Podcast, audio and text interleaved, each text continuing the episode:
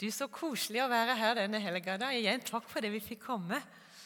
Uh, det er noen kjente ansikter, men ikke så mange. Uh, men uh, jeg har gleda meg til denne helga her. Og så er det jo, syns jeg, da, litt sånn fint å bli kjent med noen nye i familien, for vi er jo Guds familie. og jeg begynte å bli veldig glad i familien min. Gud er veldig glad i familien sin. Og da kan vi få være det òg. Mm. Eh, som Bjørn Ida sa, så heter jeg Unni. Jeg er født og oppvokst i Kristiansand på Sørlandet. Derfor du, Det er jo litt lett gjenkjennelig med denne skaren. da. Eh, men um, i 79, 20. januar, så gifta Olav og meg. Og da dro jeg til Gjøvik, der som Olav bodde. Det var i hvert fall sånn det var før i tida. Da dro vi dit mannen var. Og det er 45 år siden, faktisk talt. Vi har akkurat feiret 45 år. Eh, så det har vært veldig fint. Men det har også tatt oss på en reise sammen, da. Ehm, jeg vet ikke om det er å anbefale, men vi hadde vært gift i to måneder når vi startet menighet. For vi kjente at det var noe av det kallet vårt var. da.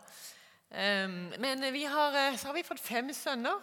Fire de er gift, og nå er det blitt ni barnebarn. så denne her Slåtten-slekta den er nå på 20 stykker, og det koser vi oss over. Jeg trodde ikke jeg skulle bli så gal bestemor, men det har jeg da blitt. Jeg elsker disse barnebarna, og en av de tingene som de virkelig lærer meg, det er å bli som barn igjen. Mm. Jeg tror alltid egentlig har bevart dette litt barnelekne hjertet. Eh, men jeg hadde nok blitt mye mer beregnende, mista litt av spontaniteten min. Så de får fram igjen noe av denne lille jenta. Jeg er blitt mye mer spontan igjen etter jeg fikk barnebarna. For når vi fikk barnebarna, så bestemte, jeg meg for at jeg skal bare leve ut ifra hjertet med dem. Uh, så jeg har så mye å lære av dem. Så det er veldig koselig, da. Um, så litt sånn om min uh, oppvekst. Litt av min vandring som jeg har gått. Jeg vokste opp i et kristent hjem. Mamma og pappa de leda Misjonsalliansen i Kristiansand. Eh, så vi hadde veldig mye husmøter hjemme. Vi hadde mye misjonærer. Og hver sommer så var vi jo på, i Grenny i Setesdalen på eh, misjonsstevne. Og så var vi på bibelkurs med Arnold Bjerkreim og Aurebekk. Um, og det har nok betydd mye for meg. Uh, og en av de tingene som jeg har takka mamma og pappa for, Eh, er det at de leder meg inn i et personlig forhold til Jesus veldig tidlig. Jeg var bare en jentunge. Ehm, og Det gjorde at eh, jeg fikk en sånn hjerte-til-hjerte-relasjon. Jesus han ble min beste venn fra jeg var liten. Eh, så jeg snakka med han om alt. Jeg delte alt på godt og ondt. Alt. Og den dag i dag så kan jeg, Hvis du kommer hjem til meg, og jeg er alene hjemme, og du kommer i en dør, så kan du tro jeg har besøk, for jeg er så fælt å gå og snakke høyt. For det gjorde jeg alltid da jeg var liten. Så det har jeg fortsatt litt med. Gå og snakke. Han er så virkelig for meg. Han er der jo. Um, selv om han er ånd. Um, så Jeg tror jeg var en, kanskje 13-14 år. Da var jeg veldig bevisst i at eh, jeg ga hele meg. Han skulle få alt. Så da gjorde jeg Jesus til herre i livet mitt. Og jeg kan jo se eh, når jeg ser tilbake på livet mitt Og det er jo ofte når vi ser tilbake at vi kan liksom se en tråd gjennom livet. Så ser jeg jo at det har influert veldig mye på de valg jeg har tatt i livet. Um, faktisk talt min første kjæreste Jeg trodde han var frelst, fordi det var sånn litt vekkelse på Sørlandet på skolelaget. så Han kom alltid på skolelag, og halv åtte hver morgen kom han på, på bønnemøte. Så jeg trodde han var frelst. Så vi var sammen i åtte måneder før, det høres litt rart ut, før jeg oppdaga at ikke han var kristen. Så da måtte jeg bare gjøre det slutt, for jeg kunne jo ikke gifte meg med en mann som ikke var frelst. Så det var litt sånn det at jeg ønsket å leve med Gud. da. Um, så jeg tror nok at jeg, jeg, hadde en relasjon til Gud. Min, til Jesus han var jo min frelser. Uh, og, var, jeg, og, det er ennå jeg så takknemlig uh, for hva han har gjort for meg. Men mer og mer nå så tror jeg jeg ser hva, hvem han er for meg. Så vi, vi ofte vi går jo denne vandringa, og vi får se mer og mer, og vi får lære å kjenne Jesus mer og mer. Eh, så jeg tror nok at jeg, så at han var min storebror, så jeg begynte å utvikle et forhold til han. Han er min storebror. Jeg hadde ingen bror, jeg hadde en søster som var 16 måneder eldre enn meg. Eh, så det var trygt å ha en storebror når du var ute. Eh, og så hadde jeg forstått på disse bibelkursene at han var min kommende brudgom. Så det, hadde jeg på en måte, det var veldig reelt for meg. Men så skulle det gå mange år før eh, jeg ble introdusert for Den hellige ånd. Det var aldri noe snakk om dette med åndsdåp, bli fylt med Den hellige ånd nede på Sørlandet på den tida. Det var ikke åpenbaring. Eh, så du gikk helt til 73. Der var jeg 22 år. 21 år var jeg. Um, uh, før jeg ble introdusert og fylt med Den hellige ånd. Og det ble en sånn tsunami i livet mitt. Det var altså, Hele livet mitt ble snudd opp ned på hodet. Så jeg begynte å få en forhold til, til Den hellige ånd. og da, Det som jeg jo først og fremst opplevde, ja, det var kraft. for Den opplevde jo mye etter å bli åndsdøpt. Folk ble helbredet og ble åndsdøpt og begynte å tale i tunger. Og du la hendene på dem og ba for dem. For jeg ble en del av Jesusvekkelsen oppe i Molde. Det var der jeg ble åndsdøpt. Eh, men først og fremst så ble jeg fylt av en sånn kjærlighet i hjertet mitt. Det sprengte at jeg klarte ikke å la være å smile, jeg klarte ikke å la være å klemme på folk. Det bare kom ut. Eh, så det var en sånn veldig omveltning i livet mitt, noe som jeg aldri hadde opplevd før. Eh, men så skulle det gå mange år igjen, helt til 94, eh, i november, før jeg fikk et forhold personlig til Gud som far. Altså, jeg, jeg hadde jo hørt at en himmelske far, og vi ber jo Fader vår. Men det var jo noen som var der, liksom, oppi der. Så jeg så nok først og fremst på Gud som min skaper forholdt meg til Han som skaper. Men det er jo ikke hvem han er, det er jo hva han gjør og har gjort. Um, og Jeg kan jo huske at pappa eh, når han ba, så ba han eh, Han begynte alltid bønnen sånn 'Fader i Kristus Jesus'. Det kan jeg huske så godt. Um, når han åpna møter, så begynte han å be seg. Men det var noe han egentlig hadde tillært, for pappa hadde ikke en personlig relasjon til Gud som far. Det fikk han seinere. Um, så jeg tenker liksom når jeg ser tilbake eh, For vi har jo noen skriftsted, f.eks. 1. Eh, Johannes 1,3. For der står det at, eh, at og vårt fellesskap I den gamle oversettelsen jeg synes det er så fint, så står det at vårt samfunn er med Far og med Hans Sønn Jesus Kristus. Det hadde ikke jeg. Jeg hadde et fantastisk forhold til Jesus, men jeg kjente ikke far. Eh, og hvis du, hvis du, ser i Johannes 17, 3, så står det der, Jeg synes det er så fint, for det er denne samtalen Jesus har med sin far. Og Der definerer han det evige liv. Han sier at det evige liv det å kjenne Gud, altså far, og han som han har utsendt Jesus Kristus. Eh, så når jeg tok et tilbakeblikk på mitt liv, så måtte jeg komme til den erkjennelsen at jeg tror ikke jeg kjente Jesus så godt som jeg trodde. Eh, for jeg kjente ei side Jesus. Han var min frelser. Og det betydde jo alt. Det er jo hele fundamentet som vi bygger kristenlivet vårt på. Men han kom fra en annen ting òg. For det står det i Johannes 17, 20. Jeg har kunngjort ditt navn for dem, og skal kunne gjøre det, sier Jesus, for at den kjærlighet som du, altså far, har elsket meg med, skal være i dem og jeg i dem. Jeg har kunngjort ditt navn for dem. Altså, jeg har gjort ditt navn kjent for dem, sier han til sin far. Oh, ja, det står, det jeg har sånne, sånne, briller som eh, jeg må være helt innpå her, så når jeg får den her på, så flipper de litt. Så jeg ser ikke helt klart. da. Men får være litt tålmodig med det. Jeg kan kanskje sette de litt opp på sånn, kanskje. Jeg synes det står, jeg synes, Og jeg ser nå står det 26. um, ja, det å kunngjøre det å gjøre noen kjent. Og han sier at 'jeg har gjort det kjent'. Eh, har gjort kjent altså, at 'Jeg har gjort det kjent for dem, far'. Og Så sier han 'og jeg vil fortsette å gjøre det'. Um, og det hadde ikke jeg fått med meg. Så jeg kunne ikke kjenne han så godt som jeg trodde. Um, men det er viktig at ikke vi forkaster den vei vi har gått. Um, for vi, vi har den åpenbaringen vi har. Og åpenbaring er veldig viktig, for altså eh, Livet vårt vil bli eh, Og vi vil leve det i henhold til den åpenbaringen vi har, det vi ser. Det som blir etablert i hjertet vårt, det vi tror. Eh, sånn vil livet vårt bli. Derfor er åpenbaring veldig viktig. Eh, når jeg var oppe i Molde under Jesusvekkelsen, eh, så hadde vi utrolig mye husbesøk. Vi hadde gademøte hver lørdag. Og jeg vet ikke, altså, Vi hadde delt Molde inn i roder. Vi bare besøkte hele Molde og omegn. Og jeg, jeg banka på så mange dører. Så hadde vi med bok, og så fortalte vi om Jesus. Eh, men det var alltid tre spørsmål som vi stilte. Eh, og jeg kunne svare på de så vel. Eh, men jeg tror kanskje at jeg hadde svart litt annerledes på det i dag. For disse spørsmålene var Hvor kommer du fra? Hvem er du? Hvorfor lever jeg? Hva er hensikten med livet? Og jeg tenker at Disse spørsmålene her, de er akkurat like aktuelle for du og meg i dag. For de vil definere livet vårt.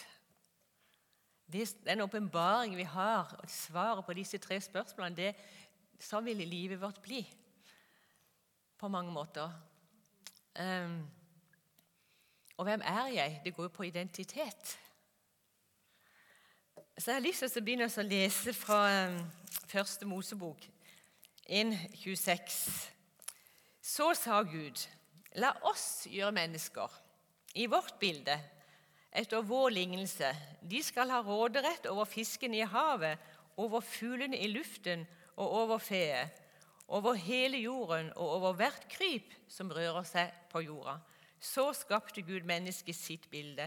I Guds bilde skapte han det. Til mann og kvinne skapte han dem. Det er noen ganger sånn når det at vi leser Guds ord, så er det akkurat som noe det bare hopper ut. Og det var En dag jeg sa det og lese, så hoppa dette her, lille oss. La oss gjøre mennesker. Så tenkte jeg i alle dager, hvem er, hvem er oss? Men du ser allerede der så er jo treenigheten. Eh, de var sammen om Så jeg tenker hvordan de skulle gjøre det, hvordan de skulle lage oss. Det var enighet i himmelen om at du og jeg skulle bli til. Er ikke det egentlig fantastisk? Det, det betyr noe for meg, det der lille oss. Eh, vi er så nøye planlagt, og det er enighet om at de ville ha oss.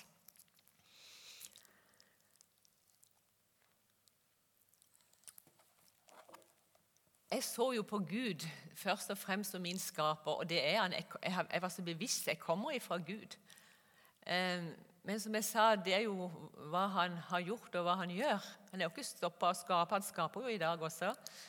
Men det står et vers i eh, Isaiah 64, 64,7. Der står det Å Herre, du er vår far. Vi er leiren.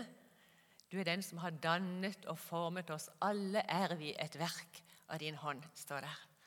Så når det kommer til hvem Gud er, så er han i identitet så er han far. Det er identiteten først og fremst til Gud. Eh, og For meg har det jo betydd litt, selv om jeg hadde en god pappa, så har det betydd noe for meg å finne ut hvem er Gud som far. For Skal du gi deg hen til noe inn i en hjerte-til-hjerte-relasjon, så må det være trygt. Eh, og Det står jo i 1. Johannes 4, 18, at um, Gud er kjærlighet. Så det vil jo si at far han er god. Han er kjærlighet. Det er selve naturen i Gud. Selve substansen i far, det er kjærlighet. Så alt det som skjer i forhold til deg og meg, det er tufta på kjærlighet. Og Da blir jeg trygg på hvem Gud er. Hva med Jesus, da? Det står en del i Matteus 16 om hvem Jesus var når han gikk her på jorda. Han ble jo kalt for menneskesønnen. Eh, Messias ble han kalt for. Eh, og når han spør disiplene For folk sa jo både han er en profet, og han er Elias, og han er ditt og han er datt. Så, så henvender han seg til disiplene, så, så sier de Peter sier, 'Du er den levende Guds sønn'. Og det, Jesus var den levende Guds sønn. Ehm, så, så, identiteten til Jesus, det er sønn. Var, og når det er en sønn, så må det jo være en far. Jesus var sønn av sin far. Og jeg elsker å lese i evangeliene når det at Jesus gikk avsides opp i fjellene og var med sin far. Dette hjerte til hjerte. Og far var hele Jesu ressurs. Det var der han trakk alle ting fra.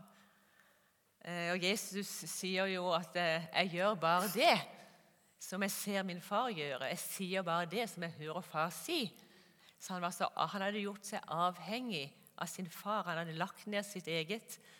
Eh, og far var hans ressurs. Og jeg tenker, For et vakkert sønnehjerte Jesus har. Det er så nydelig.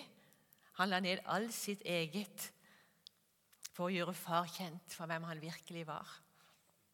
Han la ned sitt eget og han gikk til kors og sonet verdens synd.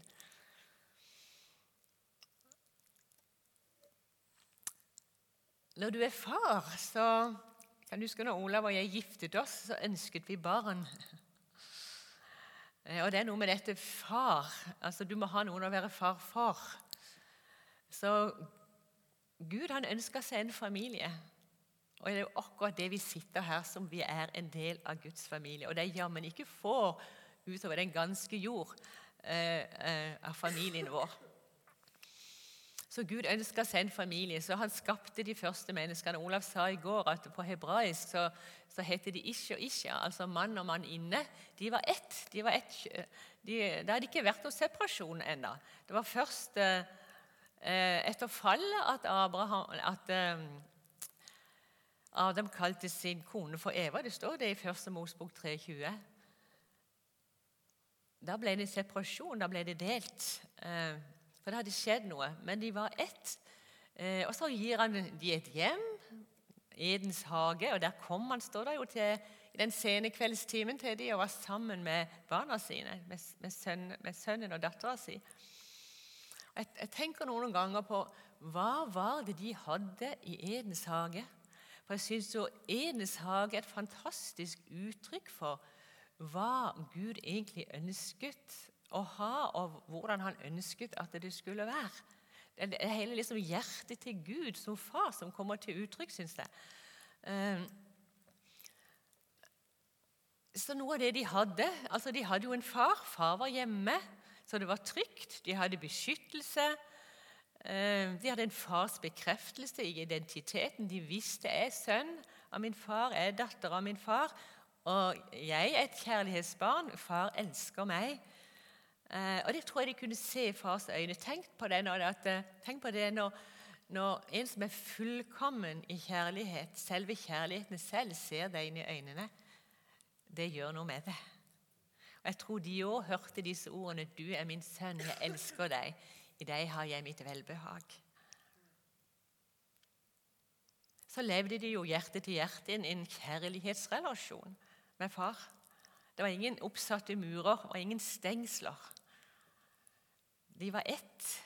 Det var nært. Um, så så de jo på seg sjøl sånn som far så på seg. Det var ikke noe mindreverdighet. Det var ingen vanskelige følelser i forhold til far. De elsket hverandre. Isha og Isha, de elsket hverandre. Og så Tross alt så var jo far var Gud El Shaddai, den Gud som er mer enn nok. Så de mangla jo ingenting. De hadde alt, både til ånd og til sjel og til legeme. Så det som Jesus hadde hos sin far når han var her på jorda, det hadde de første menneskene hos sin far også. Um, men så vet vi at fallet kom. Så hvis Gud er far, og de var sønn og datter av sin far, og så var de skapt for å leve i kjærligheten. De var skapt til kjærlighet. Det står det jo i Efeserne 1. 3-7, tror jeg det ikke det. Eh, hvis du leser det, så står det at vi var skapt til kjærlighet. Så de levde i dette her. Derfor tenker jeg du verden for en dramatisk dag fallet egentlig var. For den dagen mista de alt det de hadde hos sin far, og de ble farløse så tenker jeg det var det du og jeg òg var skapt for. Til å ha en far, til å være sønn og datter av en far. Eh, og vi er skapt til kjærlighet. Så du og jeg, vi mista òg alt den dagen.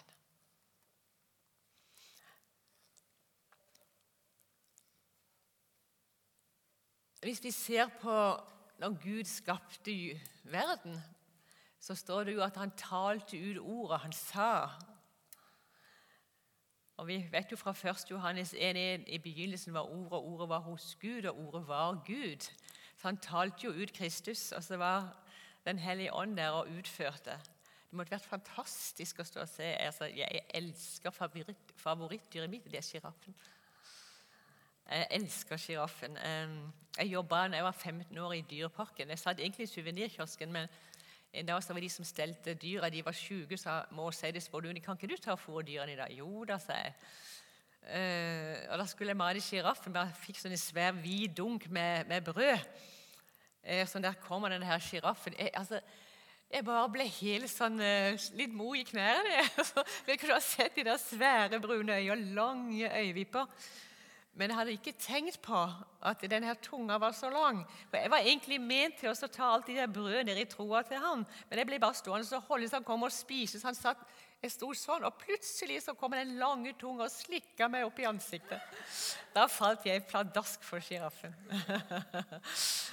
um, men hvis ikke det er fantastisk med Guds eh, skaperverk Vi sitter fantastisk og ser ut fra eh, vinduet til Bjørn Ida på kjøkkenet. Det var nydelig å sitte der på morgenen og se ut. Det er så vakkert. Eh, og det er vårt. Det er vårt. Men han skapte mennesket, så valgte han å gjøre det litt annerledes enn å bare tale ut ordet. For det står det i Første Mosebok, hvis vi går til to 7 så står det Og Herren Gud formet mennesket av jordens støv, og han blåste livets ånde inn i hans nesebor, og mennesket blei til en levende sjel. Olav var litt innom det i går. Det at Han bøyde seg ned og dannet og formet eh, mennesket av jordens støv. Det var som om Gud ble personlig. Han var nær. Det var kjærlighet, det var intimitet. Og så blåser han livsånden inn gjennom neseborene. Og som Olav sa, hvor, hvor nær må du få at du blåser? Det var som om Gud kysset mennesket til livet. Tenk, altså, tenk, noen ganger, tenk når, når, Adam åpner opp øynene sine, så ser han inn i kjærligheten. Da tror jeg bare at uh, hjertet hans sitter og Identiteten den kom på plass. Kanskje var det ei stjerne i fars øye. For han var så stolt. 'Dette er min sønn'. Det kan jeg huske Pappa hadde noen ganger. Jeg var veldig mye med på båten med min far.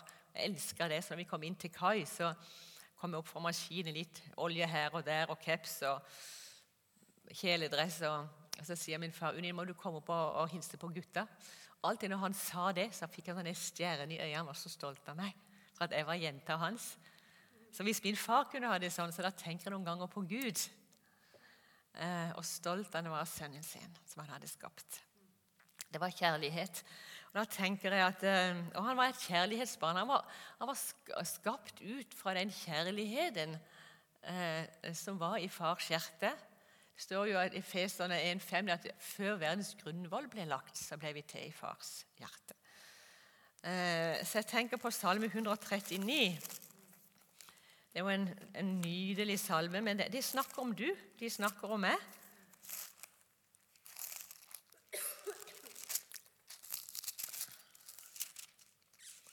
Fra vers 13 så står det sånn For det er du som hadde mine nyrer i eie. Du vevde meg sammen i min mors liv. Jeg vil prise deg, for ved fryktinngytende gjerninger så er jeg blitt et underverk. Vet du, du er et underverk. Det er deg.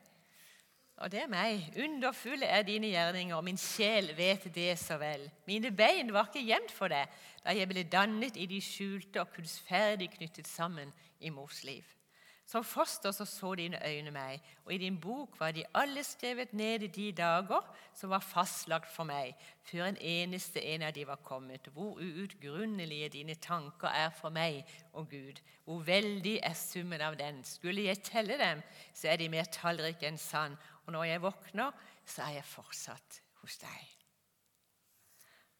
Og så er ikke du og jeg noen tilfeldighet.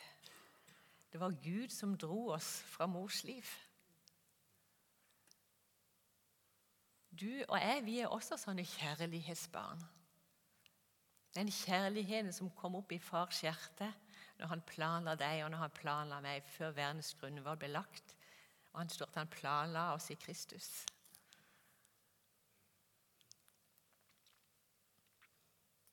Men det er ikke alle av oss som vet at vi er kjærlighetsbarn, kanskje. Det er ikke alle som sitter, kanskje til og med her. Kan, det er ikke sikkert vi kjenner at jeg er elsket, jeg er ønsket. For vi har fått så mange kanskje andre budskap til hjertet vårt. Fra en mor og fra en far. Fordi at fallet kom, så er det ikke noen fullkommen mor og far lenger. Så vi sitter vel kanskje litt såra på hjertet, og vi har kanskje litt mangler fra ting vi skulle ha hatt, som ikke vi fikk. Så vi kan ha så mange budskap til hjertet. Kanskje sitter vi med en følelse jeg var en for mye. Mor var så sliten når hun fikk meg. Jeg var egentlig ikke ønsket. Kanskje kom du som gutt, og så hadde de ønsket en jente. Og Det kan være så mange sånne ting, så plukker vi det opp. Så kjenner vi oss ikke at vi er egentlig ønsket, og at vi er elsket. Men jeg har bare så lyst til å si til deg at du som sitter her i dag, du er ønsket av Gud din far. Han har alltid villet ha deg. Han har alltid ønska deg. Du er hans kjærlighetsbarn. Og han er så stolt at du er hans sønn. Han er så stolt over at du er hans godjente. Det er deg. Han har alltid villet ha oss. Hvis vi går til Apostelens gjerninger 17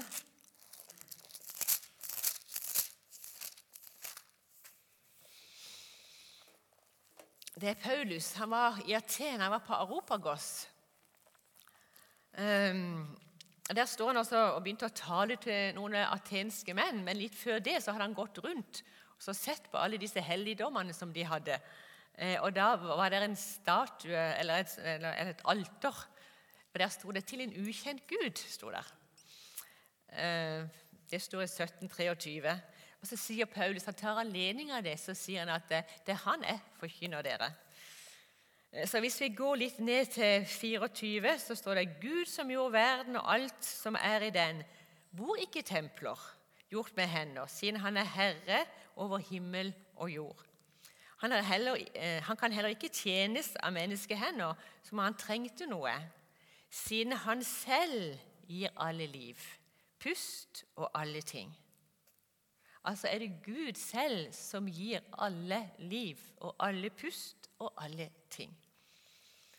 Så står det i vers 26.: Han har gjort hvert folkeslag av ett blod, av blod og latt dem bo over hele jorden, og har fastsatt deres forutbestemte tider og grenser for deres bosteder. Du, Tenk så fint! Så er det altså, Nå vet jeg ikke om det er bare norske her. Det kan være det er noen fra litt andre, noen andre opphav også. Men akkurat der som du ble født og vokste opp, eh, det var det Gud ville. Du er så nøye planlagt hvor du skulle bli til å vokse opp.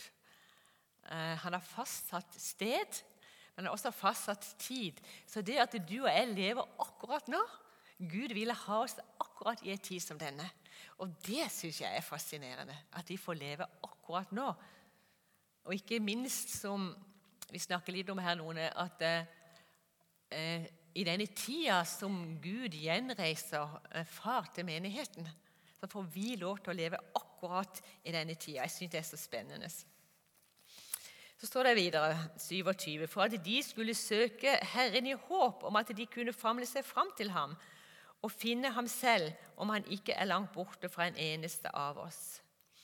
For i ham er det vi lever og beveger oss og er til slik også noen av deres egne dikter har sagt, for vi er også hans slekt. Det var diktet, og så sier Paulus, siden vi altså er Guds slekt. Så kunne Paulus si det. Han står der og taler til ikke-troende menn, men de var filosofer og religiøse. Um, så kunne han si det, siden altså vi er Guds slekt. Det er Gud som er opphav, opphav til alle det store. Han selv gir alle liv, pust og alle ting. Tenk på alle de som har gått foran oss, alle som lever på jorda i dag, alle etterkommerne etter oss. Alle er Guds slekt. Alle kommer vi ut ifra Gud, vår virkelige far. Det er faktisk all Gud som er far til oss alle. Men når det er sagt, så er det veldig viktig at du hører etter nå. For vi er alle hans slekt, vi kommer alle fra han. Men det er bare én vei hjem til Gud far, og den går gjennom Jesus Kristus. Det fins ingen annen vei. Alle må vi gjennom Jesus Kristus skal vi leve som sønn til vår far. Det er viktig å holde fast på. Um, så står det jo uh, i Efesene Efeserne 2,10 at vi er hans verk, skapt til Kristus Jesus. Vi har et annet vers som jeg syns er så vakkert. Um, I Johannes 17, 6, mener jeg, 17, 6, så sier, så sier um, uh, Jesus til sin far det er jo denne, uh, Når han står, har den samtalen med sin far, så sier han De var dine, far, men du ga de til meg. De var dine, men du ga de til meg.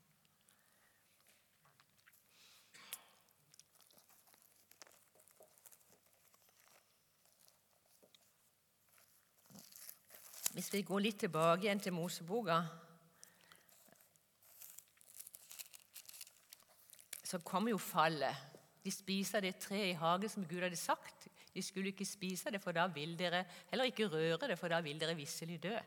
Men så gjør de det, og vi vet fallet. Um, og, de, og de døde jo, for de spiste av frukten av kunnskapens tre til godt og ondt. Eh, så de ble åndelig døde. Og Etter hvert så ser vi også kroppen også forfaller. Vi dør til slutt. Vi lever ikke evig lenger, heller fysisk. Eh, men det mest alvorlige var jo at de mista sin far. De mista identiteten sin. De mista altså det å leve i hva de var skapt for.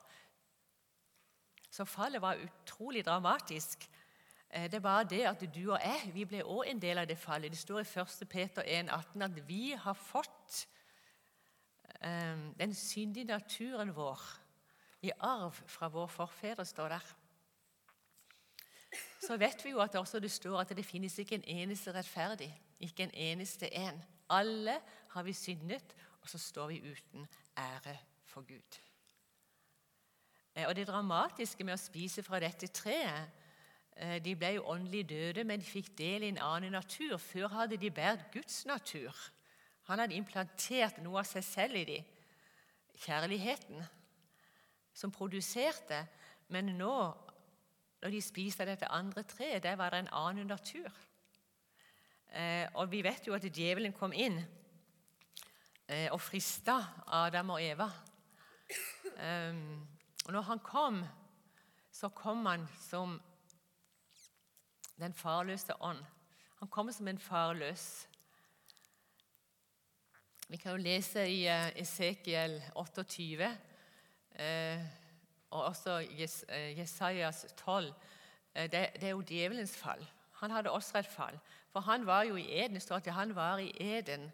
Og han hadde også Gud til far. og han hadde faktisk hatt også et hjerte. Mange ganger tenker vi kunne djevelen ha et hjerte, men det står han hadde et hjerte. Hans hjerte ble korrupert av sin skjønnhet, og han fikk en fallen skjønnhet og en fallen visdom. Og um, I Isaias 12 så står det at, det, at hjertet hans sitt det sa 'jeg vil, jeg vil, jeg vil'. Han ville bli og ta over uh, Guds plass. Uh, Isaias 14. Ja, takk. Eh, og så ble han kasta ned på jorda, så det var djevelens fall. Men det var som den farløse ånd, for han var jo også blitt farløs, og den farløse ånd som kommer inn i en sak og frister men, Adam og Eva. Og De lot seg friste, og det fikk konsekvenser for oss. Men det fantastiske er jo midt oppi tragedien. For det, det står jo i Første Mosebok 2 Nei, 3. 22. Står det, så, så sa Herren Gud, se, mennesket er blitt som en av oss til å kjenne godt og ondt, bare han nå ikke rekker ut hånden og eter av livets tre, så han lever evig. Derfor så sendte Herren Gud ham ut av ens hage for å dyrke den jorden han selv var tatt av. Det var jo en utrolig dramatisk dag for, for Adam og Eva. De ble sendt ut av hjemmet sitt.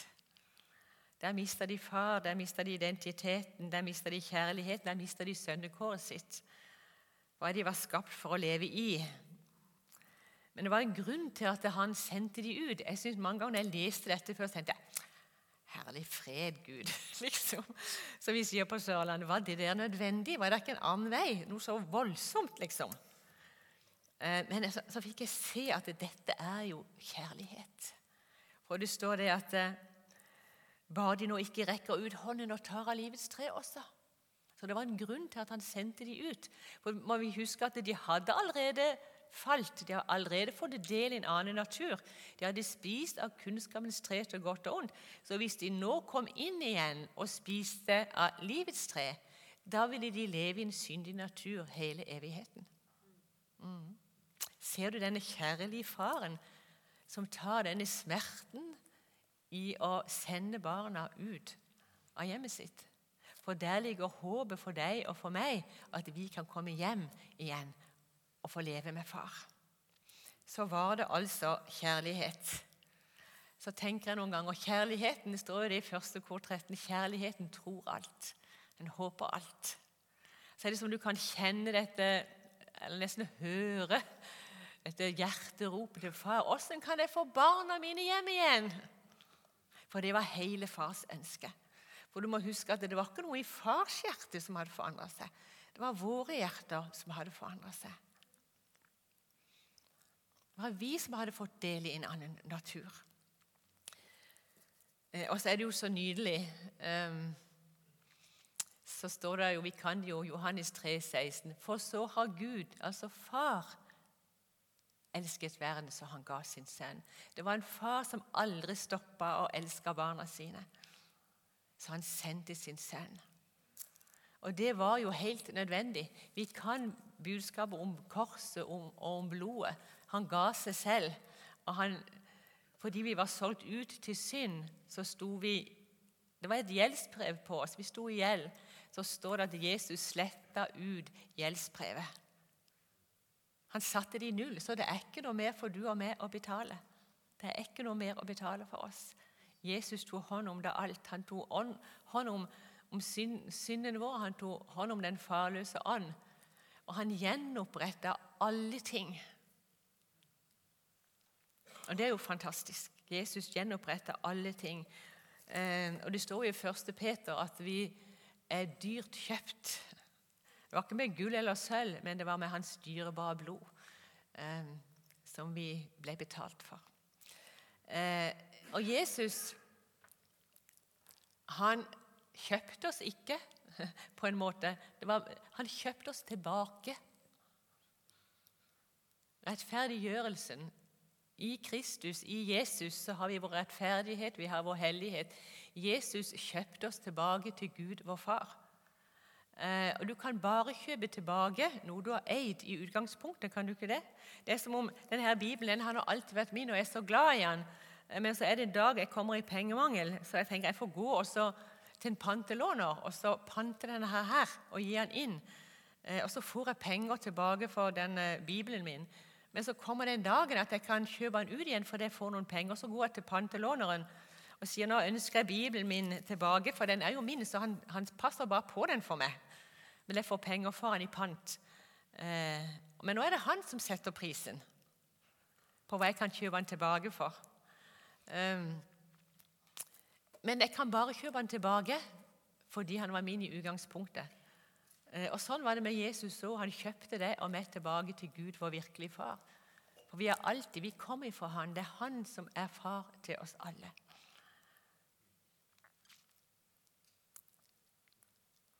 Og når Jesus sier at 'jeg er veien, sannheten og livet', ingen kommer til Far uten ved meg.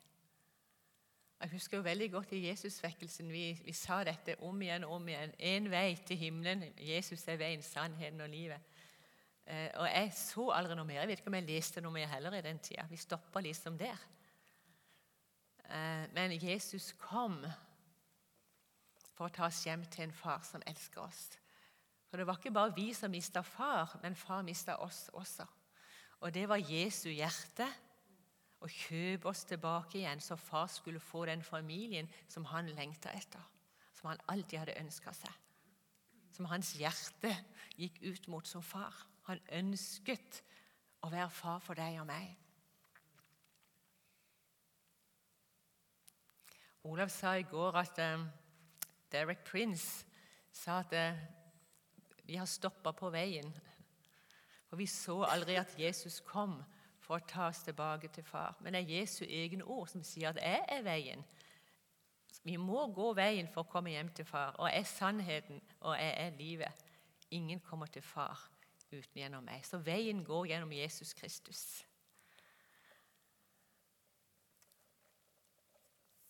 Jeg tenker på et av de versene som står i 2. Korinterne 6, 18. Der står det at eh, jeg vil, være, 'Jeg vil være far for dere' og dere skal være mine sønner og døtre. Det er det du og jeg er skapt for. Vi er skapt for å være sønn og datter av Gud, vår far. Vi var alle ment til å leve med en far. Vi var alle ment til å leve i kjærligheten. Men det fantastiske er at Jesus gjenoppretta det, så du og jeg vi kan leve i hagen igjen, i Edens hage, det som Gud egentlig hadde tenkt. Og Det er ikke når vi kommer hjem, det er her og det er nå. Jesus er ikke far. Så hvis du og jeg skal kunne få leve i hva vi var skapt for, eh, sønn i identitet, så må vi begynne å forholde oss til Gud, vår far. For det er Gud som er far. Vi er sønn. Jesus er vår frelser, vår storebror. Han er den i treenigheten. Og denne kjærligheten, treenigheten far og sønn har til hverandre, der er du og jeg ønska inn og velkommen i Den hellige ånd. Denne kjærlighetssamfunnet, fellesskapet de har, det er hjemme. Der kan vi leve og røre oss og være til. Så vet du at det var jo den naturlige fødselen for du og meg som var egentlig inngangsdøra til Guds velsignelse og til å leve eh, i alt dette vi var skapt for. Men vi mista det jo Derfor så måtte det en ny fødsel til. Vi måtte rett og slett bli født på ny. Og født på ny, det blir vi i Jesus Kristus.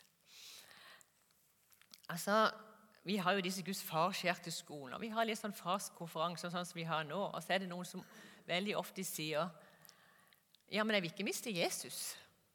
Jeg er så glad i Jesus. Vet du, vi mister ikke Jesus. Sånn som jeg sa, at jeg tror, jeg kjente ikke Jesus så godt som jeg trodde. For det står at far har gitt alt til sin sønn. Så alt skjer i Kristus. Så når det står at vi har fått sønnekår, så har vi fått del i det, det å være sønn. Altså Jesus er sønn av sin far. Fordi at vi lever og rører oss er til i Kristus, så har vi fått del i Jesus' sønnekår til vår far. Derfor sitter vi ved fars høyre hånd også i Kristus. Så Vårt sønnekår er i Kristus, og vi lever som sønner i Kristus til far. Så hvis du tror at Jesus blir borte Jeg vil heller si at vet du, dette er ikke mulig uten Jesus. Så Jesus blir ikke borte for oss. Jeg må jo si sjøl at jeg har egentlig fått Jeg, var, jeg elska Jesus hele mitt liv, men jeg må si jeg har fått et helt annet forhold til han i dag. For for jeg, ser jo at jeg forholdt meg egentlig til Jesus òg, for veldig mye han hadde gjort for meg. Men dette at Jesus er sønn, og gjenoppretta sønnekår for meg, så jeg nå kan leve i Han til min far, det er helt fantastisk for meg. Jeg er, jeg er så kjempeglad i Jesus. Takk, Jesus, for at du er den du er, at du er sønn av din far. Eh, at jeg får lov til å få del i det. Og Ola var jo inne på det i går, han leste det faktisk halvt år, men jeg tror jeg har lyst til å, å lese det før jeg tar et lite vitnesbyrd til slutt. Um, så Feserne, vet du. Jeg finner det.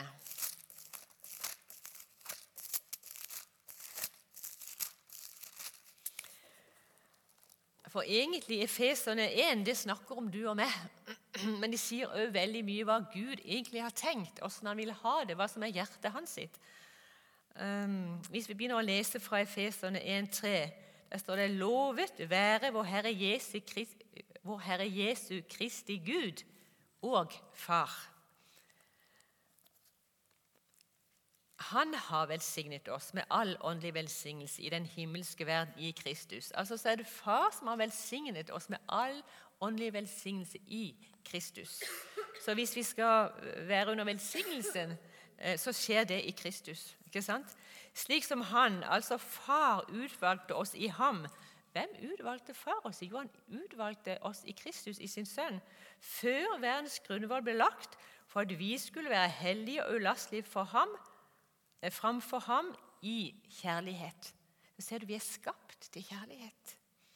Ved Jesus Kristus har han altså far forutbestemt oss til barnekår eller sønnekår, altså det å være sønn hos seg etter sin viljes gode velbehag. Altså var det det Gud ønsket som far. Det står at dette her jeg har gjort samlet og gjort alt i Kristus. Alt skjer i Kristus. Jeg vil at dere skal være mine sønner, jeg vil at dere skal leve i kjærligheten. Dere har fått sønnekår eh, i Kristus til meg. Det er det jeg ønsker. Det er mitt gode velbehag, står der. Så står det 'til pris for sin nådes herlighet'. Ved den tok han, altså far, oss sin nåde i den elskede. Og hvem er den elskede? Jo, det er hans sønn Jesus Kristus. Er ikke dette fantastisk? Så det ser du, hvordan treenigheten som Olav snakket om i går. Eh, kirken mistet far, de mista Den hellige ånd, de mista Jesus. Og så, har, så restaurerte han eh, Jesus tro, med troen alene. Så ble Den hellige ånd av Susa Strid restaurert til menigheten. Og så Midt i disse dager så får vi lov til å erfare og oppleve at far blir restaurert igjen til menigheten. Altså kommer treenigheten på plass i menigheten igjen sånn at du og jeg kan leve i hva vi var skapt for. Det er en plan og det er en hensikt for ditt og mitt liv. Eh, bare sånn til slutt et lite vitnesbyrd. Eh, for jeg har trengt om igjen og om igjen og om igjen å bli bekrefta i min identitet. Selv om jeg har hatt en god far som har bekrefta meg mye. Men det å få etablert må huske, Vi har levd som farløse. Ehm, og Den farløse ånd det er ikke noe du bare kan drive ut som en demon. Det må byttes ut med noe annet. Altså Når de levde i hagen, så var de rotfesta og grunnfesta i sin fars kjærlighet. Men den farløse ånd det må byttes ut med noe annet. Vi må få sønnekåret. Vi må få Sønnens ånd inn igjen i våre hjerter som sier 'pappa, far'. Eh, så jeg har trengt om igjen og om igjen å bli bekrefta identiteten min. Så Det var en dag vi hadde hatt møte i menigheten for en del år siden. og så eh, hadde jeg lagt meg på kvelden da jeg kom hjem. og Fikk liksom ikke til å sovne, så jeg bare lå der og var liksom innenfor Gud. og Takka han litt og tilba han litt. og eh, Småpratet litt med han. Og så, det var sånn, plutselig, Det er noen ganger sånn plutselig da det er med Gud. Så var det som han kom til meg, eh, og så hørte jeg at han sa Unni, jeg to av min egen ånd, og så la jeg det ned i deg. Det var som en sånn boom inni hjertet mitt. Wow! Tok du noe av ditt, og så la du det ned i meg? Eh, og Så begynte jeg å grine, og så begynte jeg å le. Jeg ble egentlig så glad. Og Så kommer han igjen og så sier han, jeg tok av min egen ånd og jeg tok av min egen natur, og jeg la det ned i det. Og Så fortsetter han så sier han, Unni, du kom ifra meg, og du tilhører meg. Du tilhører familien min. Så sier han at du er dattera mi, og du er den som jeg elsker. Så jeg, jeg er den som han elsker. Og i dag så tror jeg det. Jeg trenger ikke å bøye hodet ned i skam for ikke å være bra nok. Han, hans kjærlighet er ufeilbarlig. Det er ingen betingelser på fars kjærlighet. Han elsker meg akkurat nå sånn som jeg er. Ikke når jeg kommer dit at jeg bare da. Nei, nå. Akkurat der hun Unni er, så jeg er hans sin elskede. Og vet du, Du kan bare sette i ditt navn. Du kommer også ifra Han. Han har tatt noe av sitt eget, sin egen natur han har lagt det ned i deg. Vet du at det er noe av Gud i din far som vokser og gror inni deg? Du er hans sønn, du er hans datter, du er hans stolthet. Og så er du den som han elsker. Det er deg. Vi kan være så frimodige og ta imot at vi er elsket, at vi er Hans elskede. For Jesus betalte alt det som trengtes å ordnes. Ditt og mitt regnskap, det står i null.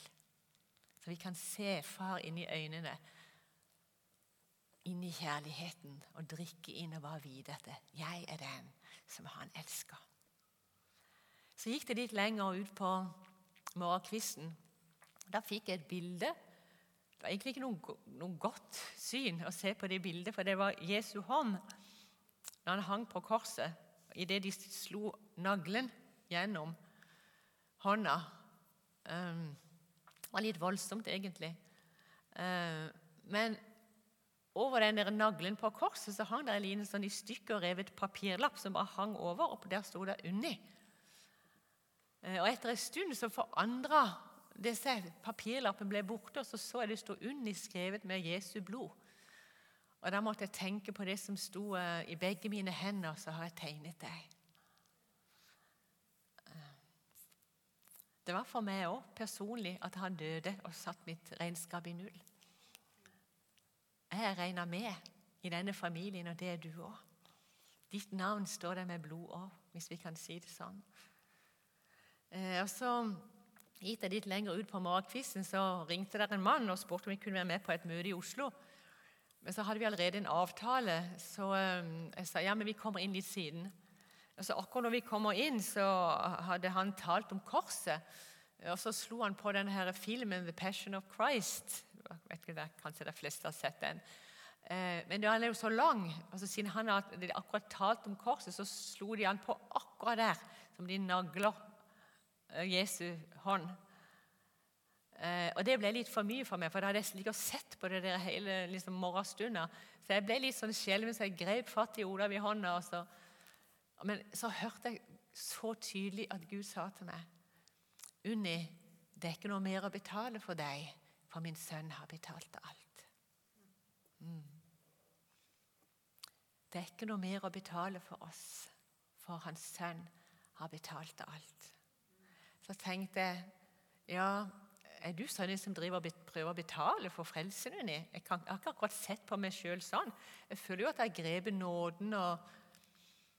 Men så er det noen ganger sånn med oss at når vi blir litt usikre om vi har fått det til bra nok, om blir vi usikre, er vi elsket, er han fornøyd med oss, så begynner vi kanskje å lese litt mer i Bibelen, kanskje evangeliserer vi, kanskje faster vi. Uh, you name it. Eh, og det er jo ikke noe galt i det, eh, for dette jo, hører jo kristenlivet til. Men det er bare motivasjonen i hjertet for hvorfor vi gjør det. Eh, men vi kan bare komme hjem. Her er jeg. For alt er betalt. Vi trenger ikke å blidgjøre Gud, for han er fornøyd pga. Jesu blod. Mm. Så jeg måtte se på livet mitt sjøl. Ja, jeg har prøvd å vise meg fra en litt bedre side, kanskje trekke meg litt tilbake noen ganger. Eh, til jeg føler liksom det er greit med Gud. Jeg gjorde det noen ganger før. Jeg ser tilbake. Kanskje nettopp leste litt mer i Bibelen og ba litt mer, så det skulle være bra. Eh, så ble du liksom trygg igjen på kjærlighet, men det er ikke nødvendig. For det er ikke noe mer å betale. Vi kan bare komme. Han er nettopp den far som ønsker å bringe gleden tilbake i ditt og mitt liv når ikke vi får det til. Det er en sånn far vi har. Vi har en far som aldri stopper å elske oss. Det er ingenting i hans hjerte som har forandra seg når det gjelder deg. Og heller ikke meg. Så jeg takker deg for det gode, gode far. Vi har sånn en god far. Du er, du er så nydelig. Ditt farshjerte, det går så ut mot oss. Takk for at du aldri stopper å elske oss. så høyt at du sendte din sønn. Takk, Jesus, for at du kom. Takk for at du sona syndene våre. Takk for at du tok et oppgjør med den farløse ånd. Du stilte disse maktene og myndighetene overbevist til skue det du viste det som seiersherre over dem på korset. Alt er kjøpt tilbake, alt er betalt for. Takk for Jesus for at du gjenoppretter alle ting, så vi kan igjen leve med far. Så igjen vi kan få være hans sønner og døtre. Takk for at vi igjen kan få leve i kjærligheten. Vi er deg evig takknemlige, Jesus. Takk, Hellige Ånd, for at eh, du virker alt dette ut i vår liv. Du er den, du er jo Guds egen ånd. Du er den som skaper frukten i alt dette i våre hjerter. Så ber vi deg at du må gjøre det. At du må komme og skape frukt i våre hjerter, i vårt liv, så vi kan leve i hva vi var skapt for. Tusen takk. Amen.